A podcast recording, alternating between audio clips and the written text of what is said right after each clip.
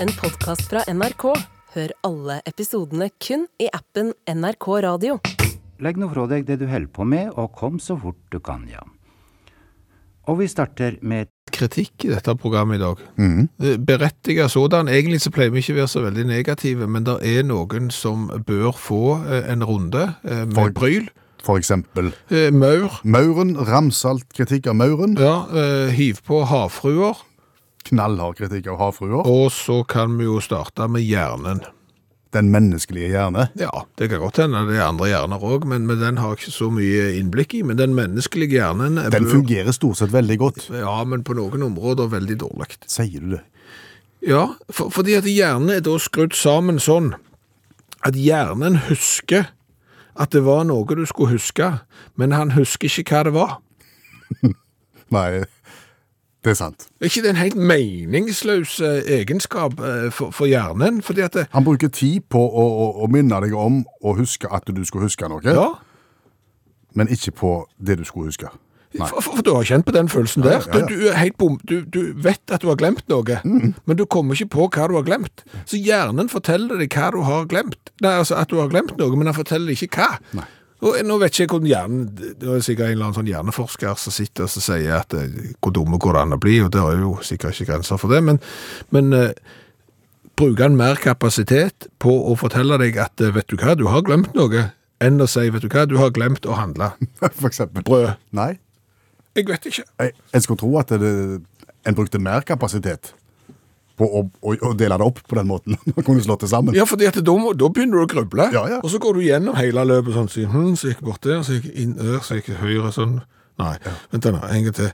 Og det, det er litt den der òg. Du går inn i et rom fordi at du skal noe der. Ja. Og så går du inn Så kommer du inn i rommet, ja, så hva, hva var det jeg skulle her? Men det er hjernen som har sendt deg inn Ja!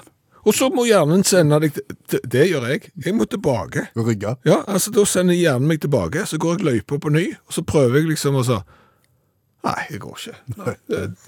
Jeg er helt bombesikker på at jeg skal noe her, for det har hjernen fortalt meg, men han har ikke fortalt meg hva det var, for det har jeg glemt ut. Så den, den, Ja, den kritikken er berettiget. Ja. ja.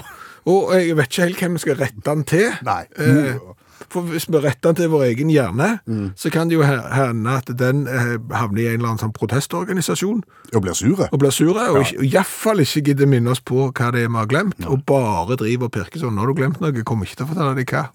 For nå har du vært på det der riksdekkende radioprogrammet, og så har dere snakket om dette, så nå kan du bare ha det så godt. Ja. Om det er noen som praktiserer sånn hyssing rundt fingeren lenger, når de skal huske. Lenger? Ja, en gjorde det før. Nei. Har du sett noen med det, annet enn i tegneserie? Nei, det er, nok- det er nok kanskje bare der jeg har sett det. Men der er det veldig utbredt. Det tegnet, ja, på, i tegneserier er det veldig utbredt med, med hussing rundt fingeren, fordi at du eh, må minne deg på selv på at du skal huske noe. Ikke det jo. eneste du kommer på da er at jeg skulle kjøpt mer hussing, Ja. for jeg er snart tomme, for jeg har glemt så mye, Far min praktiserte å flytte klokka på motsatt hånd. for å fortelle at det var noe jeg skulle Noe han huske. skulle huske, ja.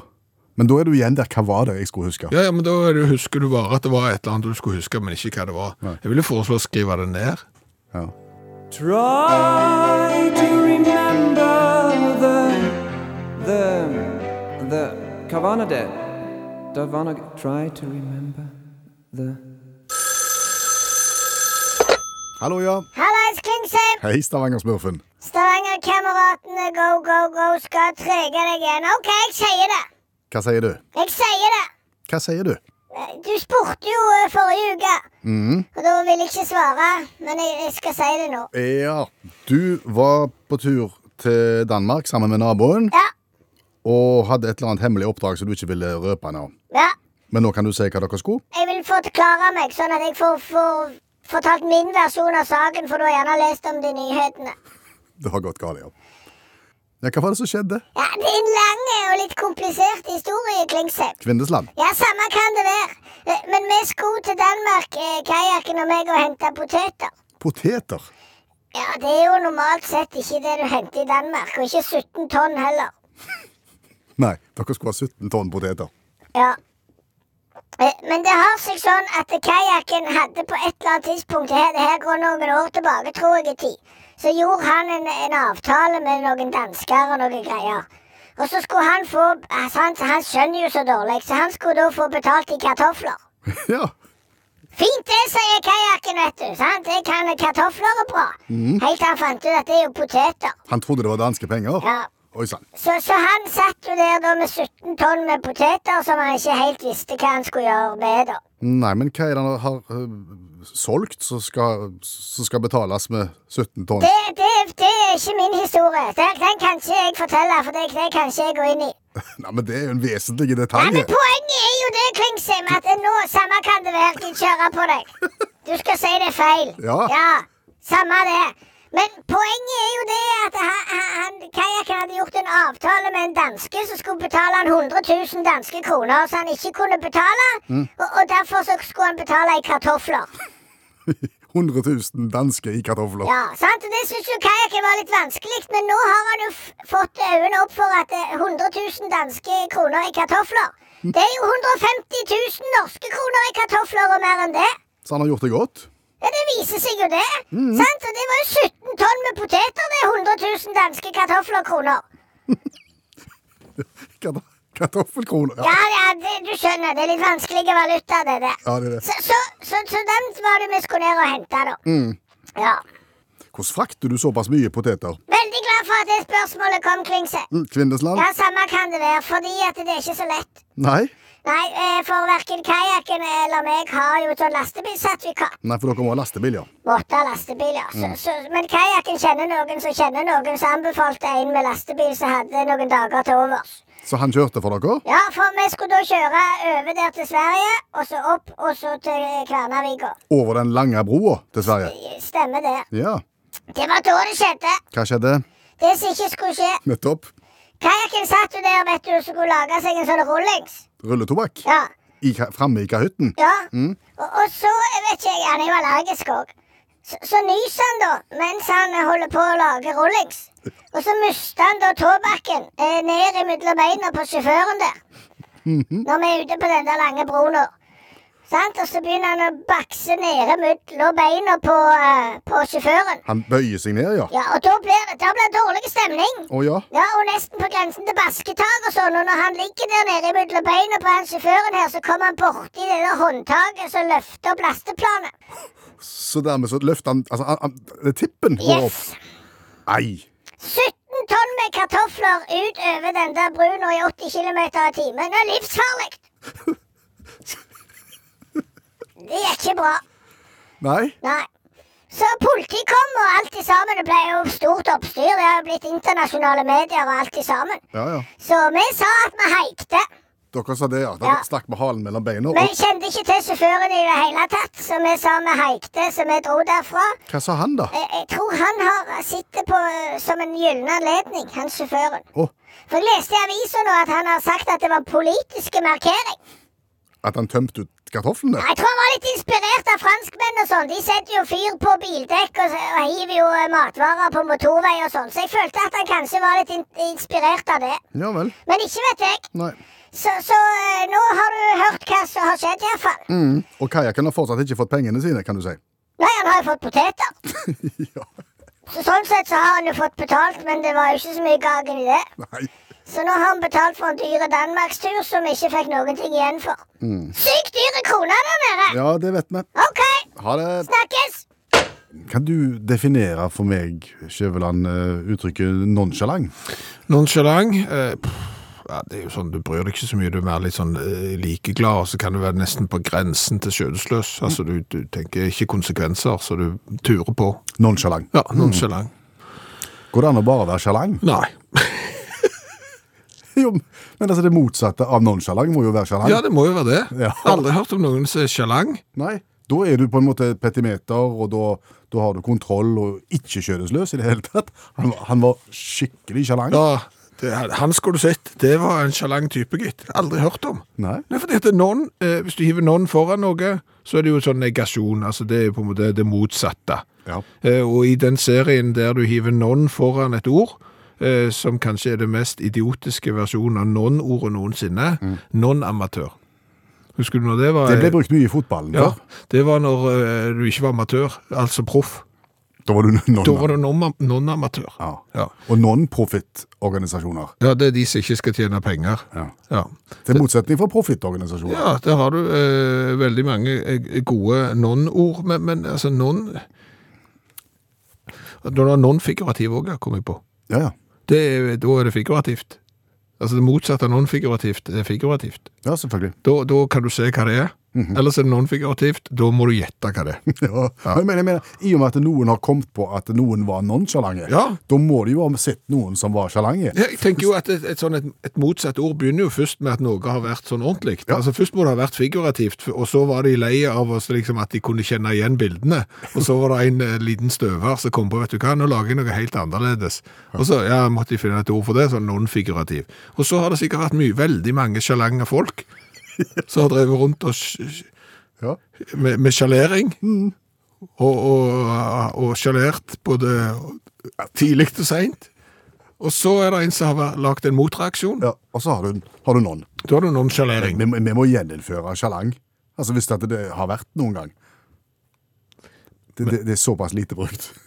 Eh, Men når det er sagt, så er nonsjalant òg veldig lite brukt. Ja, det er kanskje det.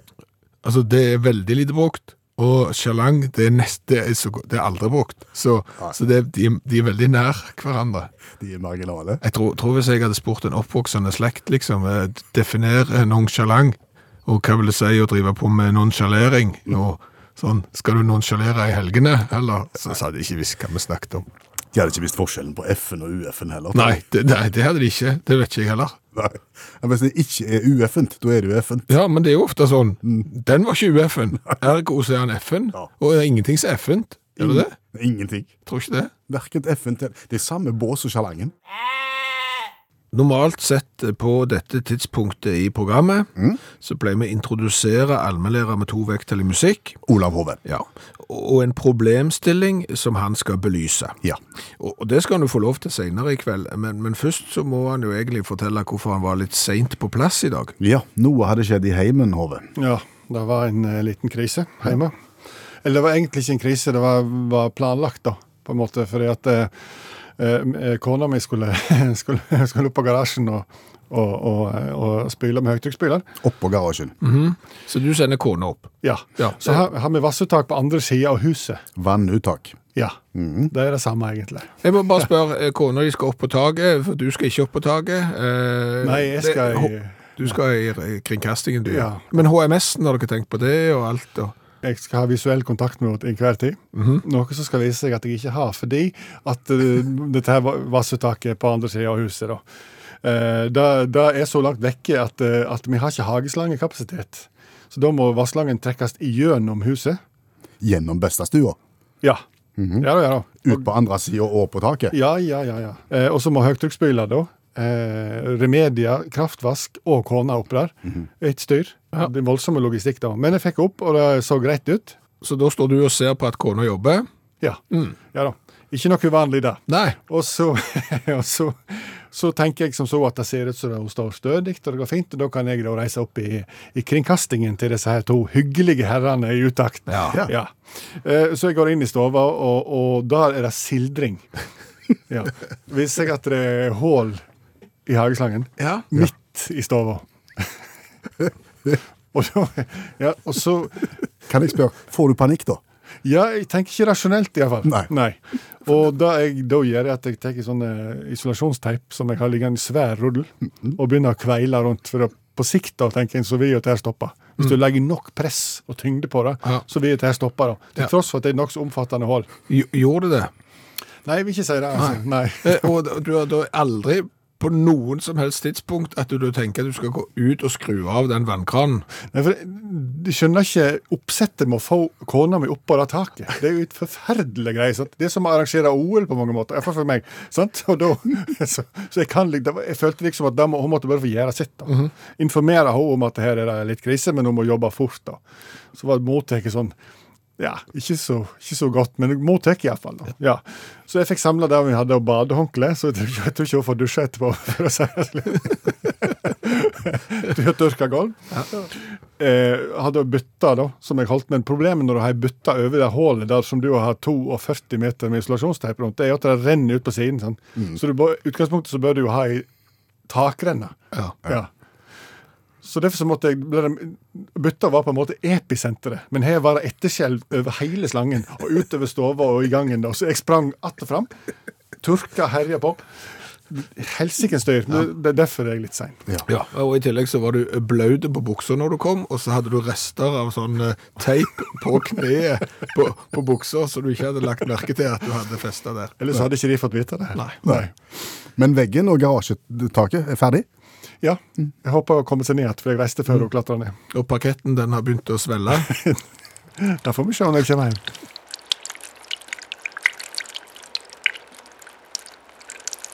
Vi har jo fremdeles eh, besøk av allmennlærer med to vekttall i musikk, Olav Hove, selv om han er litt blaut i buksekanten og har rester av teip på, på buksa. Mm. Men han er jo her for å ta opp det faktum at eh, Klassekampen har intervjuet Anne Holt, mens de egentlig skulle ha intervjuet Anne Holt.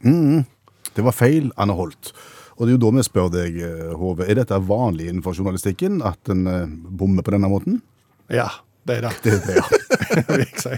Men ikke så Altså, eh, det, er, det, skjer hele altså, det skjer jo stadig vekk at noen har likt navn, og så blir det? Det er jo sånn, men, men dette er jo Klassekampen. Hun måtte jo skrive det på Facebook, og liksom, og egentlig altså, hun måtte jo, altså, det, det var ikke mange som fikk det med seg, tross alt, da, før hun skrev det på Facebook. Nei, Før Anne Holt skrev det på Facebook, Ja. at Anne Holt var blitt intervjua av Klassekampen, og at Anne Holt reagerte. Ja. Ja. Så det der med å bomme på navn Det fins den ypperste prest innenfor det der. Så en, en mega deluxe-tabbe som liksom eh, sler alt, da. Ok. Og, som ikke er i nærheten av dette her, på en måte. Og det var i, eh, i 2006, da. Jeg vet ikke om de kjenner til eh, søksmålet mellom Apple Corps og Apple Computer. De, ja. Apple Corps, eh, plateselskapet til Beatles, og Apple Computer, iPhone. Oh, ja. Og, ja. De krangla seg i 78. Saksøkte hverandre hit og dit, for de hadde samme navn. sant? Ja, ja. -hmm. Og så i 2006 så, så det ut som det plutselig ble en løsning på det. Og i den forbindelse så hadde BBC News eh, intervjua teknologieksperten eh, Guy Cooney for å snakke om denne her overraskende utviklingen. Sant? Problemet var at han Cooney var ikke så kjent, og i BBC er det ganske mange resepsjoner. Så når da eh, praktikanten ble bedt om å hente han Gukini, så var han litt usikker på hva resepsjon han skulle gå i, for han sitter i resepsjonen. Så han stakk hodet inn i hovedresepsjonen, og der satt en resepsjonist og en mann. Ja. Han der Gyukini, han er da, han er da en eng, eng, han er engelsk av utseende, hvis du skjønner hva jeg mener. Ja, Han er på grensen til albino og har gjerne litt grann pigmenter i håret av eh, rødt. Ja. Ja. ja. Og skjegg og svært dynn. Eh, Så denne her eh, praktikanten sier til han i resepsjonen Han som sitter der, heter han Guy Kini. Eh, resepsjonisten som sjøl var praktikant, sa ja. Det gjør han. Det gjør han. Så hun, hun, praktikanten gikk bort og sa 'unnskyld, heter du Guy?' Og han så opp på han og sa 'ja'. Neimen, så bra. Bli med meg. Problemet var at dette var ikke Gi Kini, dette var en annen Gi, nemlig Gi Goma. En økonomistudent fra Kongo som skulle på jobbintervju.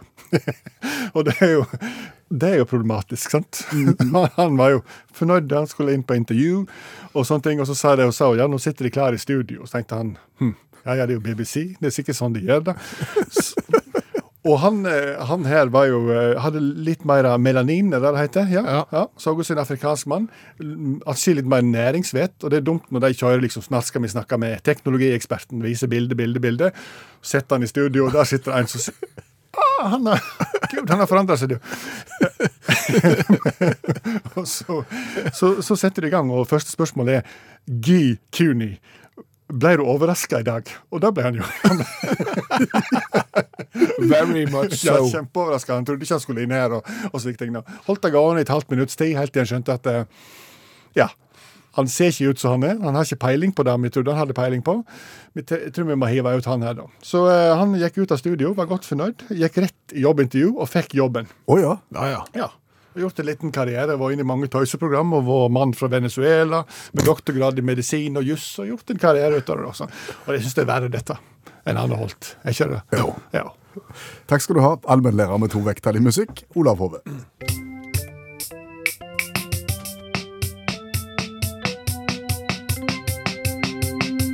Vi mennesker er jo gjerne skrudd sammen sånn at hvis et hus brenner, så går vi og ser på. Hvis eh, ei bro eh, kollapser, så går vi og ser på det som er igjen, og hvis ting eksploderer, så ser vi på hullet, eh, og demninger brister og alt sånn. Altså, katastrofer gjør jo at vi vil se. Hvordan det ser ut. Men så er det jo sånn at gjerne hvis et hus har brent opp, eller ei bro har kollapset, så etter ei stund så, så blir det jo fjernet, og så er det ikke der lenger. Derfor går tankene litt til Giovanni di Simone. Giovanni di Simone, Ja. Pizzabaker fra Napoli. Nei, ja, det kan godt hende, det, det vet ikke, men han var også eh, ingeniør. Jeg tror det var han som sto bak eh, det skjeve tårnet i Pisa. Ok. Som i utgangspunktet var tårnet i Pisa. Ja, jeg tror det var det han lagde. Han lagde tårnet i Pisa. Men, Men eh, det begynte jo å sige eh, ganske raskt.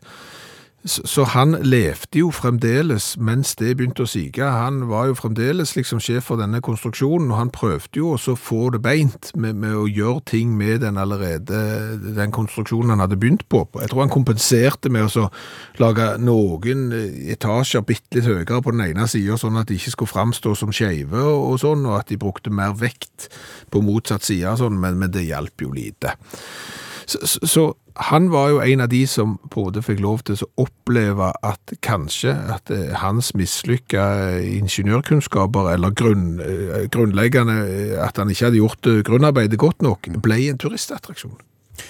Det opplevde aldri ingeniørene bak uh, Sleipner understellet, som, som lå i Gansfjorden ut forbi Stavanger. Nei, det, det må du nesten minne folk om, for det er ikke sikkert de husker det. Altså det, Da er vi jo på det som kalles for sånn kondip, når du lagde da eh, understell av betong som skulle ut i Nordsjøen. Mm. En enorm konstruksjon av betong. Holdt på veldig lenge. Ja, Ja. og så voff, så gikk alt til bunns. Ja, skulle, skulle slepes ut, og så begynte det å ta inn vatten, vel, eller lå det, det lå der og fløyt, og så begynte det å ta inn vatten, og så... i, løpet av uhyre kort tid Ja. så gikk det. Så ingen har sett det siden, for det ligger jo på, på kjempedypt. Nei, men det er jo sånn at de da som hadde, eh, de som hadde ansvar for armeringsjern, eh, de, de slapp jo da i hvert fall å stå og se på dette eh, hver eneste dag, og det slapp jo eksempel de som lagde Vasaskip òg.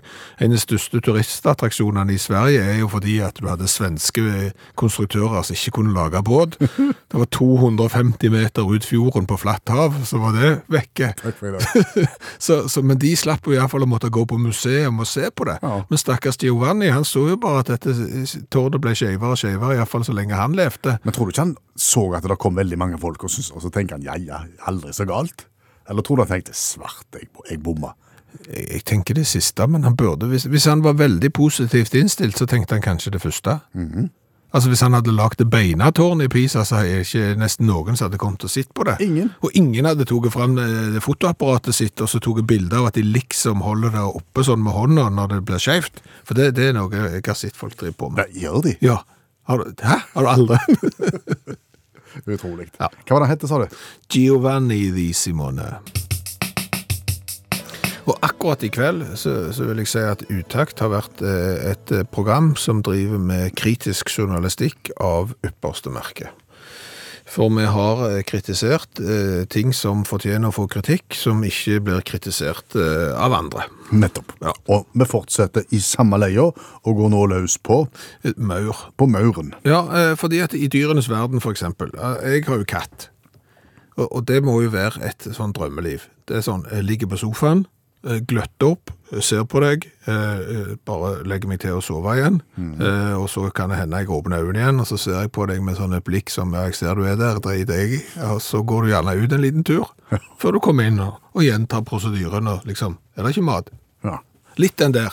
Eh, Men, men Mauren har jo et rykte på seg eh, for å liksom være veldig arbeidsomme. ja, og vis, ikke minst. Altså gå til mauren og bli vis, står det jo i skriften. Ja. Så smart og arbeidsom er mauren. ja. Eh, Det med intelligensen det er jeg ikke i stand til å kritisere nå, men det der han er liksom, er at han skal være så arbeidsom og være så flittig, Ja. det jo virker jo som det bare rør. Har du belegg for dette? Ja, altså, hvis vi kan sitere BBC, det er sånn ordentlig. Det, det stoler vi på. Det stoler vi på. Eh, Og iallfall hvis det er ting som atferdsøkolog, eh, professor Dan Charbonneau har sagt. Jeg lurer på hva atferdsøkolog er for noe. Det er en økolog som uh, Jobber med atferd. Jobber med atferd, ja. Jeg tror det. Okay. Men, men fordi at det, han sier jo det at en maur har jo da rykte for å være arbeidsomme, men sannheten er overraskende. Altså hvis du ser på en koloni med maur eksempel, så, så kan du fort observere at halvparten står og ser på. Nei, Vet du hva, det, det er rart, for at hvis du, du ser ei maurtue, eller jeg ser en, en ansamling av maur, så føler du at det lever, at alle holder på. Ja, Og jeg, jeg har ikke vært der nede og studert sånn, så han eh, atferdsøkologen har. Jeg, jeg har liksom ikke fulgt med, for jeg har også hatt det inntrykket. Og hele verden er liksom flittige som maur og alt det der greiene der. Og så viser det seg at det, halvparten står der og driver dank, mens de andre driver, ja ja. Det er Svendsen, ja. Han tar Altså, det er litt som ja, Nå er det så seint at jeg vet ikke om jeg tør si det, forresten. Fordi at det er nå sånn i 11-12-tid, og de som skal ut og asfaltere, begynner. Men der òg har jeg litt sånn følelsen av at de som asfalterer, så er det veldig mange som står og ser på. Og så, og så er det noen som jobber. Og det er klart at hvis det òg er sånn eh, flittig som maur og sånn, at, at det er på en måte sånn det skal være, så, så har jeg datt av lasset. men- Men dette sier atferdsøkologen. Altså. ja, ja. Og, altså noen dyr er jo, gjør jo nada niks. Altså, Og det, sier han jo. Altså katte, Kattedyr for eksempel, altså sånn dovendyr og sånn, gjør jo ingenting. Men, men andre insekter òg, som du tror liksom er sykt flittige, nei da. Det er bare driver dank og gjør nada niks eh, nesten halvparten av tida, vel så det. Neste gang jeg ser en maurkoloni, Ja. da skal jeg ned. Nei, du skal ikke det, for da Ikke, ikke helt ned. Ikke helt ned. Nei.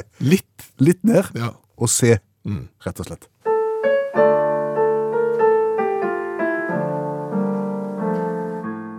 Utakt går til Mauren for å bli vis.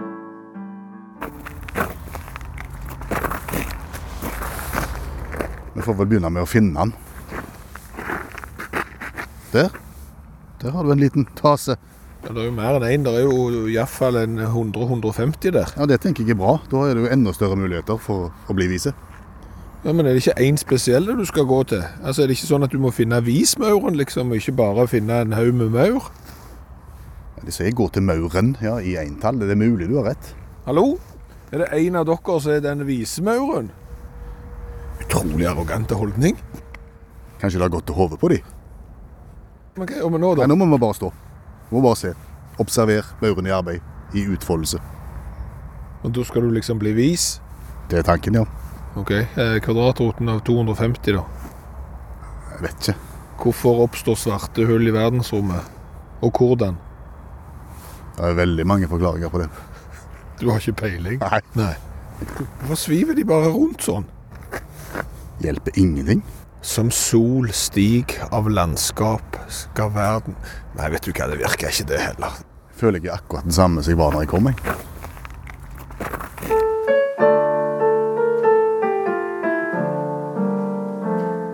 Du har hørt Utakt gå til Mauren for å bli vis.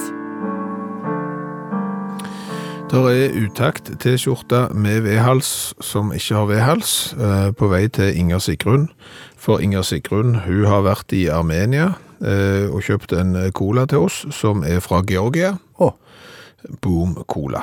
boom. Ja. B-O-O-M Cola. Og den skal vi drikke i glass som vi har fått av Ragnar og Tanja, fordi at vi må drikke cola når vi skal teste cola fra skikkelige glass. Så nå er de takka, de som skal takkes. Og vi er klar. Hva vet vi om boom cola fra Georgia? Litt lite, eh, må jeg si, fordi at eh, når jeg da prøvde å, å søke opp dette selskapet som står bak, det er Boom-gruppen, eh, så, så har de ei egen nettside, men den står er under construction, altså under oppbygging. Så der var det lite eh, informasjon å hente. Og da må du lese på boksen. Ja. ja. Og de eneste bokstavene jeg kan forstå på boksen, det er der det står uh, With Georgian Water, Boom Cola. Ok, med, med vann fra Georgia, Ja. boom cola. Ja, det er framsida. Baksida er ingen bokstaver eh, jeg forstår. Nei. Så da vet vi ikke så mye om boom cola. da. Ja, vi har jo forstått det sånn at eh, denne Boom-gruppen har jo en del andre produkter innunder Boom-paraplyen òg. De har jo Fireboom, for eksempel. De har Best Infinity Boom. Uh, Mojito Boom har de. Har de boomerang? Nei, men de har Waterboom, Energy Boom og Ritol Lusuri Boom, så de har veldig mye under denne Boom-paraplyen sin. Og, og Boom Cola, selvfølgelig. Er de store Georgia? Det antar jeg. Siden du spør, så er de kjempestore. Aner ikke. Jeg ser på boksen, den har den røde colafargen. Ja. Og så ser det nesten ut som det er OL-ringer på midten. Ja, det, det er faktisk ganske kult. Altså, De har skrevet Kul Cola og, og Cola Kul. Ja. Eh, Det, høres ut, det høres litt skoleavis ut, egentlig. Men, men selve grafikken er ganske tøffe. Ja. Så det er ikke liksom så skoleavis som jeg eh, fremstiller det som. Det er 033-boks. 033-boks. Ok, da åpner vi da. Og så heller vi oppi de fine colaglassene. Boom-cola med vann fra Georgia. Og rikeslikt med kullsyre. Mm, det kan vi like. Den er relativt svart. Ja, det er den. Den lukter lite, men den- det lille lukter er cola, vil jeg si. Og så lukter den litt metallboks, men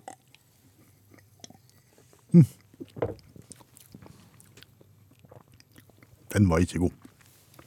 Den var ikke så gale som du skulle ha det til. Jeg fikk metallsmak i munnen. Gjorde det? En blanding av sitrus og metall.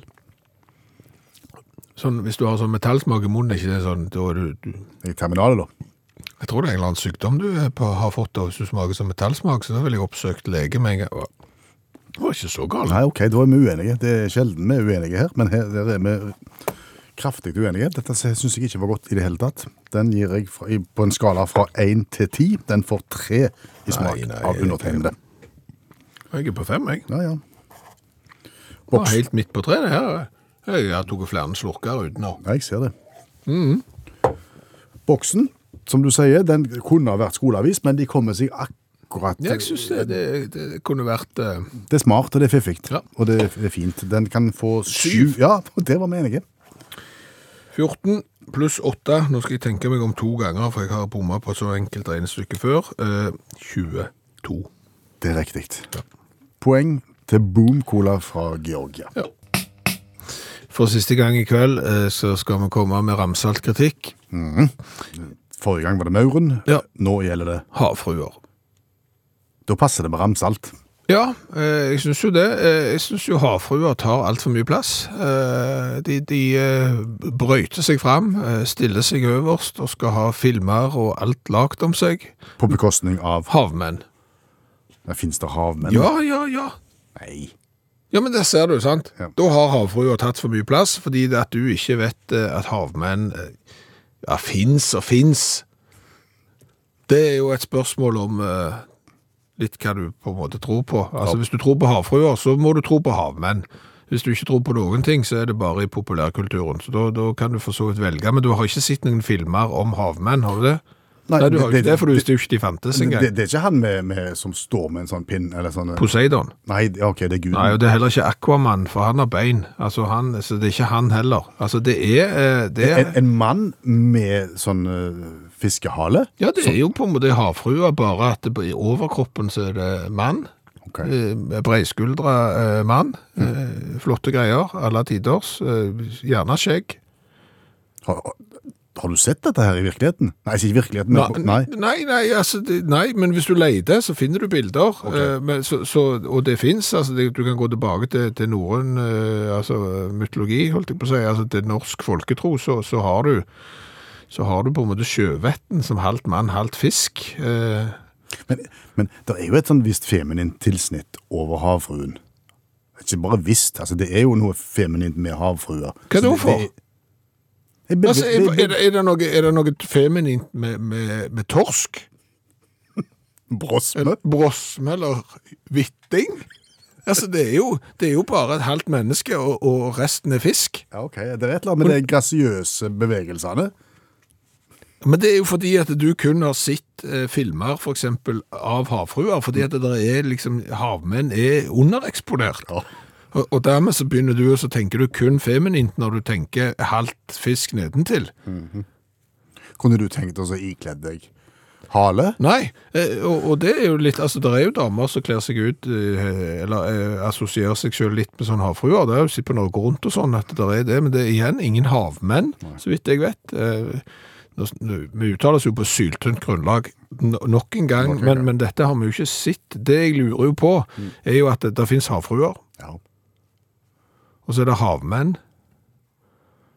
Og de eh, kan jo sikkert da på et eller annet vis få nye havfruer og havmenn. ja. Men akkurat hvordan de gjør det, det klarer jeg ikke intuitivt å se for meg ut ifra de bildene jeg har sett. Nei. Nei.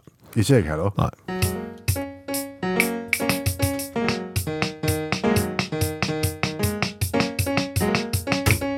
Forrige uke prøvde vi noe vi aldri har prøvd før. Ja, det var en mattekonkurranse i radio. Det har vi prøvd på før. Eh, Det har vi vel egentlig konstatert er ganske dårlig radio. Ja. Eh, Men det vi gjorde var at eh, vi la inn noe informasjon kun i podkasten til Utakt. Så hvis du skulle være med i mattekonkurransen, så måtte du inn og lytte på podkasten til Utakt. Mm. Den som du kan laste ned fra NRK radioappen.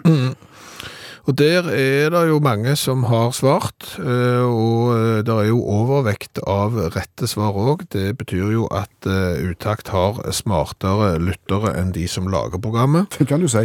Men er det mulig også ta og gjengi konkurransen, eller blir det for vanskelig? Nei, vi kan, Oppgaven. vi kan godt det. Altså, det handler om sekker med gullmynter som en sjørøver har skaffet seg. Eh, sjørøver, de verste nakkene som var på, på havet og er på havet, så derfor ble det lagt en del fornøyelsesparker for å hylle de. Det var ironi. Det var ironi. Eh, En sjørøver har ni sekker med mynter. I én av sekkene er det falske mynter. Og Den eneste forskjellen på ekte og falske mynter, det er vekten. De ekte myntene veier 10 gram, de falske veier 9 gram. Du har én vekt, og du kan bruke den én gang for å finne ut hvilke sekkene som inneholder de falske myntene. Du har lov til å åpne sekkene, da. Ok.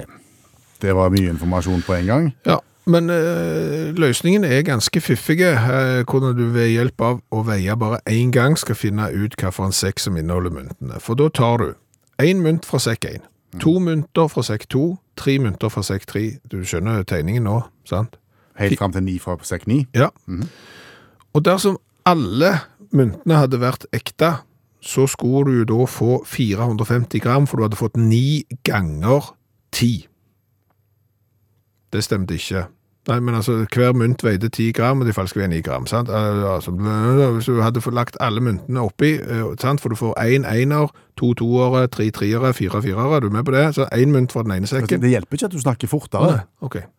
Ta én mynt fra sekk 1, Ja. to mynter fra sekk 2, tre mynter fra sekk 3, og så videre. Når du da har lagt alle disse, så har du 45 mynter Ja. til sammen. Og hvis alle da hadde veid 10 gram og vært ekte, så hadde du hatt 450 gram. Stemmer. Men dersom sekk nummer 1, så du bare tatt én mynt ifra, hadde vært falske, så hadde du hatt én mynt på 9 gram der, og så hadde du hatt resten på 10. Da hadde du manglet et gram, 449 gram. Og da hadde du visst at å, de falske er i sekk 1. Hvis du mangler to gram, så mangler du de to fra sekk 2, og så videre og så. Så du kan finne nøyaktig hva for en sekk det er ut ifra vekttallet på disse 45 myntene. Ok. Eh, Pål grubla i mange dager, men fikk til slutt hjelp av sin gamle mattelærer og sangerbror Bjørn. Ja. Og sammen Har han hatt broren som mattelærer? Aldersforskjell der. Sangerbror. Ja. Eh, De, eh, de, de, Jeg skjønte det, jeg skjønte jeg det. Du, De jobber, jobber fram svaret, Ja. eh, og har kommet fram til rett, og han får premien. Vi har trukket ut Pål. Eh, Podkast Matte suger, men utakt podkast er helt konge, sier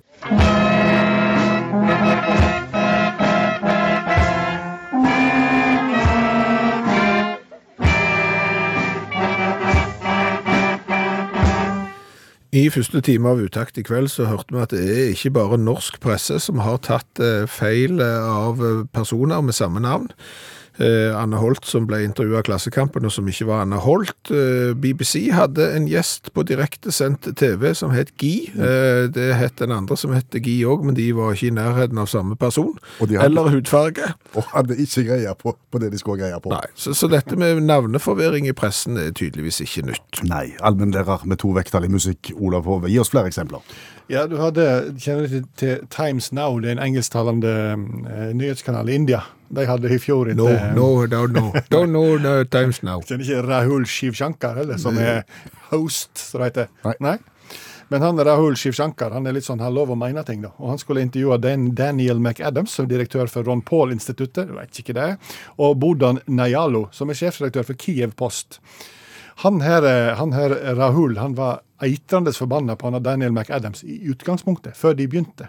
Så han skulle ta han ei stripe. Problemet er at de som jobber med sånn grafikk, da, de hadde bomma, de hadde tatt feil, de hadde bytta ut. da. Sånn at McAdams var Nayalo og omvendt. Ok. Så han tenker jeg skal ta han Adams med en gang. Så han begynner med han Nayalo og gir han inn litt. Grann, da. Derpå han Nayalo svarer på en sånn måte at han er enig med han. Og da blir han enda mer forbanna, for her har han skifta mening, liksom. Plutselig. sant? Så han dundrer løs. Og han der Nayalo er fortsatt enig med han. De er enige om alt. Og han Adams prøver å si unnskyld meg, for han ble kalt Adams. da. Og Det tenker ikke han Nayalo så mye på. Han Adams prøver å si hei, unnskyld, sant? men han får kommer ikke til. Ender opp med en tre minutts utskjelling. Helt til det kommer fram at han Adams sier beklager at jeg forstyrrer deg i tiraden, men du, du skjeller ut feil mann. Grafikken er feil.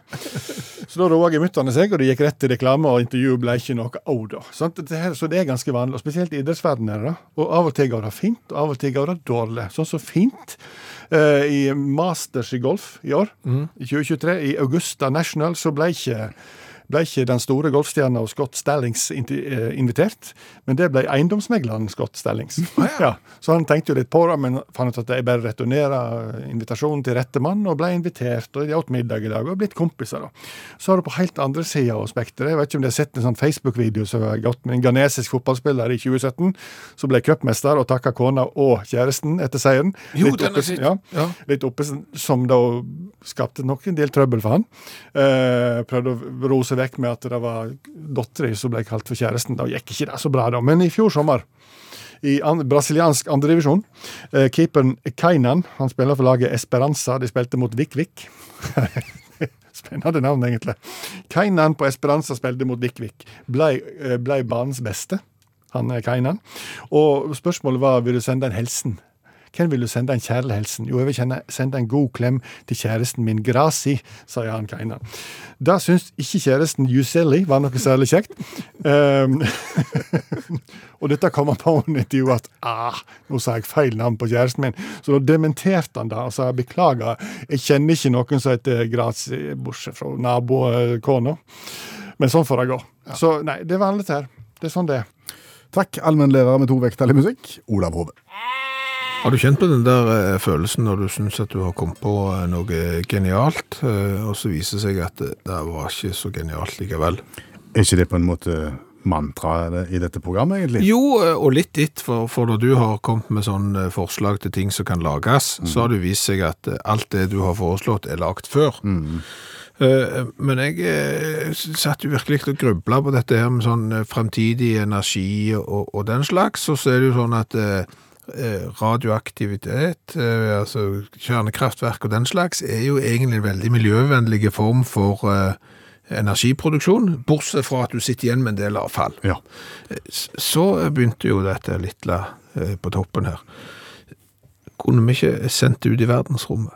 Altså Der er det jo så mye stråling i, fra før eh, av ymse slag at eh, bitte lite grann eh, radioaktivitet fra jorda, det måtte jo være alle tider. Så fant du ut at USA produserer noe sånn som 2000 tonn radioaktivt eh, avfall i året. Sender ut noen av disse rakettene her, og så, så bli kvitt det. Kan jeg bare spørre hvordan, i hvilken form er egentlig radioaktivt avfall? Er det flytende? Nei, det er sånne staver som de bruker i radioaktivt Sånn, det er jo staver av Brensel- uran. brensel- Brenselstaver av uran, ja. Ok, Så de vil du sende ut i, i luften? Da sender du de ut i luften, og så peiser du de bare, sånn, så kan de fortsette noen lysår ut gjennom etter hvert som tiden går. Og så er det ute av eh, syne, ute av sinn, og så er det såpass mye annen radioaktivitet og stråling der ute, så, så det skulle jo ikke bety noe fra eller til. Sannsynligvis bor det ikke noen der heller. Sant? Så det var jo den gode ideen. Som du trodde ingen hadde tenkt før? Ja. Det var nok noen som hadde tenkt på det, var det ikke det? Veldig lenge siden òg, faktisk. Ja. Så måtte jo finne ut om jeg var genial eller ei, og det var jeg jo ikke. Så fant jeg ut at NASA har jo da publisert i mai 1978 118 sider eh, der de har eh, forklart hvorfor vi ikke skal gjøre dette. Og hvorfor vi ikke skal gjøre Ja, eh, altså de har da liksom diskutert mulighetene og riskene og sånn, og, og de har jo da konkludert med at eh, jeg leste jo ikke alle 118 sidene, det er skumleste, men, men hvorfor vi ikke skal gjøre det. Og for eksempel da, så kan du bare tenke deg at hvis du da skyter opp en sånn rakett, så har jo det skjedd at det ikke har gått så godt når at raketten har kommet så langt som han skulle. Og hvis du da har han stappfull med radioaktivitet, og så sender du han ut i atmosfæren, men så kommer han ikke dit, så har du jo skaffet deg selv et lite problem. Da tenker jeg på Kallen og katten av Jakob Sande. Ja, det er han som bidde dynamitt til katten, ja. Ja, og, så og katten kommer tilbake og springer etter han. Ja, der har du litt den der, ja. Så, eh, ja, eh, en god tanke var det, helt til vi fant ut at noen hadde tenkt den før, og hadde greia på det de snakket om, og konkluderte det var ikke en god idé likevel. Da er ting som før i dette programmet. Hva har vi lært i kveld? En god skvett eh, har vi lært. Eh, Vi har jo lært at eh, hjernen er en underfundig liten gjenstand som kan fortelle oss at, vet du hva, du har glemt noe. De kan minne, den kan minne oss på at vi har glemt noe, men han nekter å fortelle oss hva det er vi har glemt. Det virker som en litt sånn rar egenskap, egentlig. Vi har lært at Giovanni di Simone han var ingeniøren som var med å bygge det skjeve tårnet i Pisa, og det skjeve tårnet i Pisa skulle jo sikkert bare være tårnet i Pisa, men det begynte å sige allerede når han eh, bygde det. Så han fikk gjerne da eh, lov å oppleve at hans egen konstruksjon ble en turistattraksjon fordi at han ikke hadde vært så flink i jobben sin som han burde vært. Spesielt. Der er det jo en del andre ingeniører som skal være glad for at de slapp å gå og så måtte se på museum eksempel på sine fadeser, eh, sånn som de som lagde Vasaskipet i, i Sverige for eksempel. De begynte med knekkebrød, de. De, de gikk over til knekkebrød, ja, fordi de var så dårlige på båt. Ja. Så det, det gjorde de. Eh, Så har vi lært litt i dag, eh, fordi at eh, Mina har, Dina har sendt oss en mail, hilsen Dina og Mattilsynet, fordi at vi snakket i i forrige program om hamburgere og hvordan vi ønsker de skal være, sant? så sa vi litt sånn rå i midten er fint. Eh, nei, sier Dina og Mattilsynet. Ikke spis hamburgere som er rå i midten. Biff kan gjerne være rå i midten, men ikke burgere. Bakteriene på overflaten av biffen drepes ved steking, men i hamburgeren er det jo overflater overalt, for det er hakka og blanda inn, siden det er sånn. Og da får du gjerne bakterier inkludert. Så da skal du ha litt gjennomstekte burger. Da noterer vi well done. Ja. Så har lært av allmennlærer med to vekttall i musikk at eh, du kan ikke tette en lekk vannslange mens han, der er vann i den, med verken gaffateip eh, eller elektrikerteip eller noen ting som helst. Du må vente til han er tørre hvis du skal prøve å reparere han. Eh, Det har han sikkert lært sjøl òg. Det tror jeg òg. Ja. For han kom våte på knærne og med gaffateip på låret. Ja. Eh, Så har vi lært at eh, maurene ikke er så flittige så de, sjøl vil ha det til. Og som verden tror. Altså, arbeidsmaur og på en måte Det, det klinger jo Ja, det gjør arbeidsomt. det. Eh, Men atferdsøkologer som har ligget med nesen ned i maurtua og, og sett på dette her, kan jeg fortelle at ca. halvparten av mauren står rundt i ring og ser ut som de eh, liksom bare observerer og ikke gjør noen verdens ting. Så det, det Maur kan være latsabber òg. Så har vi lært eh, at eh, matte er fremdeles kanskje dårlig radio. Eh, mulig det var siste forsøk eh, i dag. Det har vi lært. Og så har du lært at det finnes havmenn. Ja, det finnes ikke havmenn, men Ja, altså, ikke bare havfruer, Nei. men også havmenn. ja. Det har vi lært. Så eh, du må si at du har fått med deg en god skvett hvis du har eh, hørt dette programmet. Vi, vi konkluderte vel aldri om det fin, finnes noe som er bare sjalangt, til motsetning fra nonsjalangt. Nei, vi tror bare nonchalant eh, eksisterer, ikke, non, altså ikke sjalangt. Så det er òg litt spesielt. Men det kan jo motbevises. Per Øystein Kvindesland, Bjørn Lars Skjævland. takk for laget.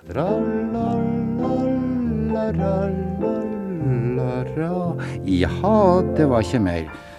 Sett nå kaffekjelen over og slapp av, og kos deg litt. Takk for nå. Du har hørt en podkast fra NRK.